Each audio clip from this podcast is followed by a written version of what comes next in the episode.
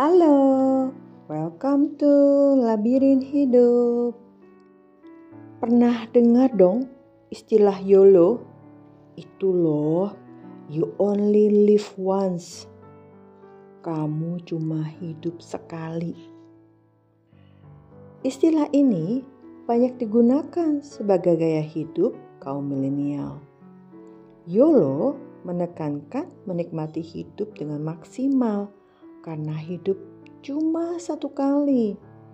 Beberapa orang menganggap YOLO sebagai upaya memaksimalkan segala sesuatu dalam hidup, tapi ada juga yang berpikiran untuk lebih banyak bersenang-senang di hidup yang hanya satu kali ini.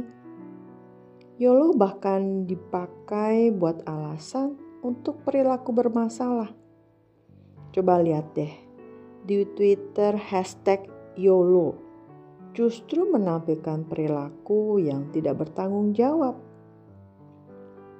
Atau masih ingat nggak, seorang perempuan mabuk berlari masuk ke lapangan football di mana pertandingan sedang berlangsung.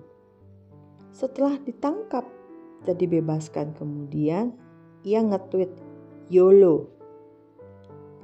YOLO sebenarnya meniru istilah Carpe Diem yang ditulis oleh penyair Latin Horace. Beberapa dari kita mungkin ingat film The Dead Poets Society yang diperankan almarhum Robin Williams di mana istilah carpe diem menjadi basis cerita. Carpe diem memiliki nilai murni bahwa setiap manusia perlu memaksimalkan potensinya selama ia hidup. Jadi nggak sama ya antara YOLO dan Carpe Diem. Tapi Bukan berarti YOLO selalu berkonotasi jelek.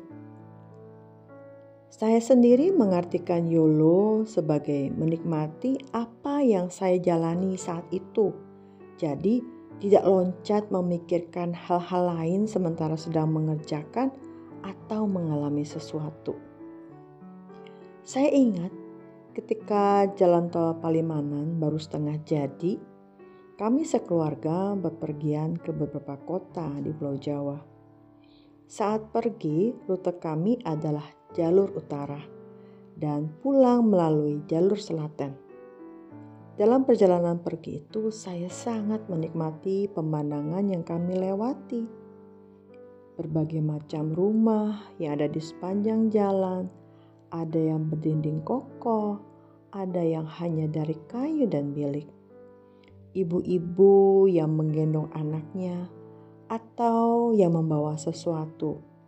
Ada yang kelihatan berat sekali beban yang dibawanya itu. Ada yang santai saja menaruh beban itu di atas kepalanya. Anak-anak yang bermain bola di lapangan begitu riangnya.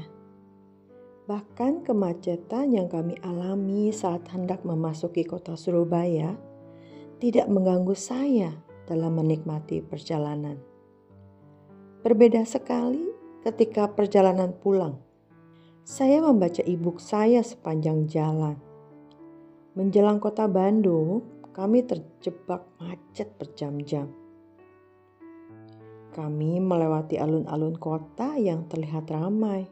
Saya melihat ada panggung di mana seseorang menyanyi dan tenda penjual yang memenuhi alun-alun tersebut dipenuhi pembeli.